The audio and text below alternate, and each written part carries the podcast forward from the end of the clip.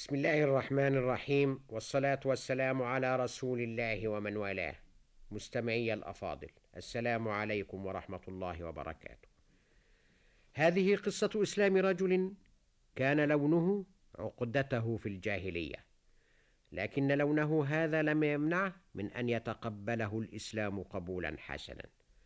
وكان ذلك رمزا صريحا على أخوة الإسلام وأنه لا فضل لأحد على آخر إلا بالتقوى.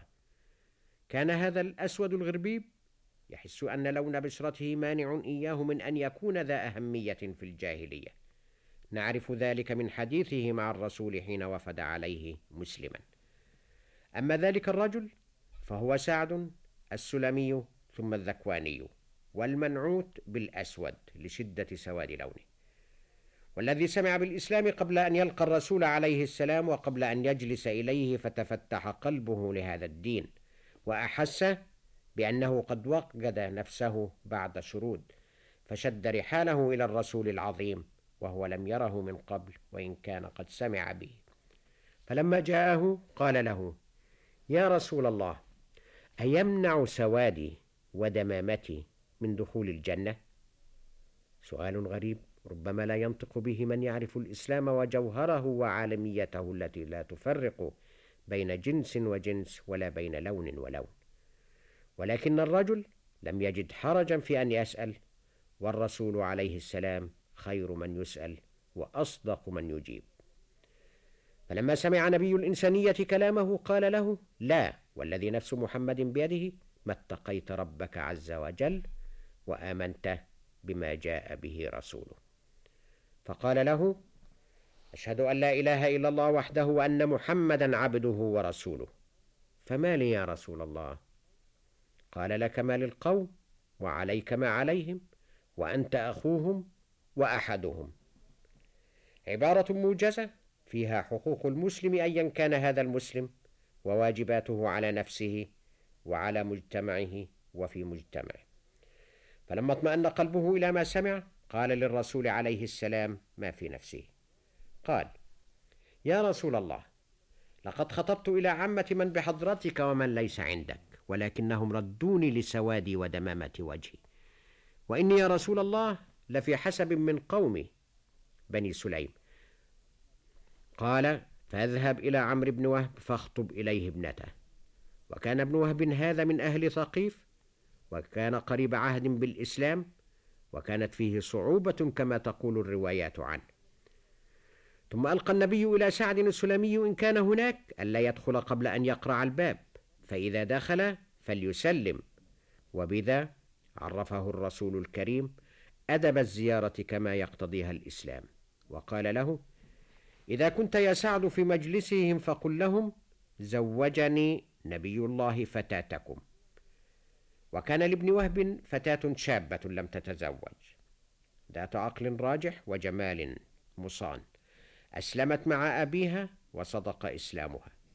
ومضى سعيد ومضى سعيد الأسود السلمي في لحظته هذه وطرق الباب طرقات فتحوه لها له بعدها فلما رأى أهل الدار قال في بساطة البدوي وصراحته إن رسول الله زوجني فتاتكم. فصعد أهل البيت فيه أنظارهم فلم يقع منهم موقع الرضا والقبول وردوه ردا غير كريم لم يفعل معه شيئا سوى أنه هم بمغادرة الدار. ولما كاد أن يغادرها خرجت ابنة عمرو بن وهب وصاحت به يا عبد الله ارجع! لئن يكن نبي الله زوجنيك فقد رضيت لنفسي ما رضي الله ورسوله.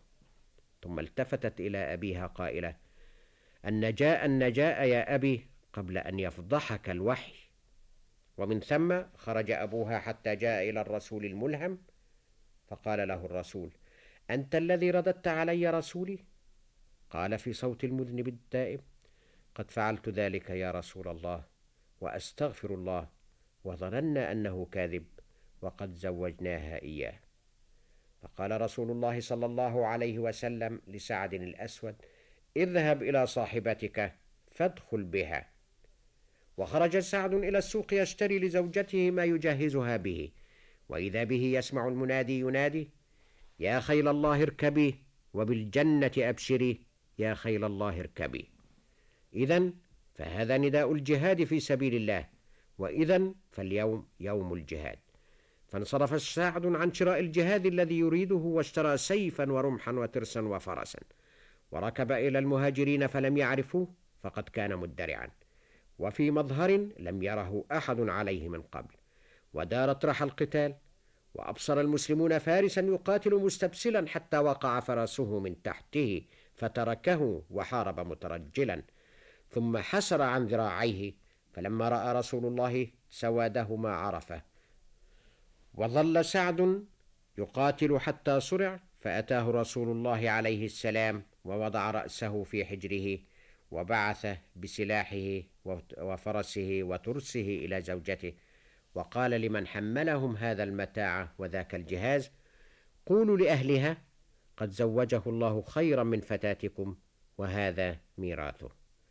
فهل ثم مثل سعد أسلم وصدق إسلامه ثم استشهد فكان من الصديقين الأبرار والراشدين الذين حبب الله إليهم الإيمان وزينه في قلوبهم. وكره إليهم الكفر والفسوق والعصيان. مستمعي الأفاضل شكرا لكم على إصغائكم وإلى حديث الغد مع صحابي آخر والسلام عليكم ورحمة الله وبركاته.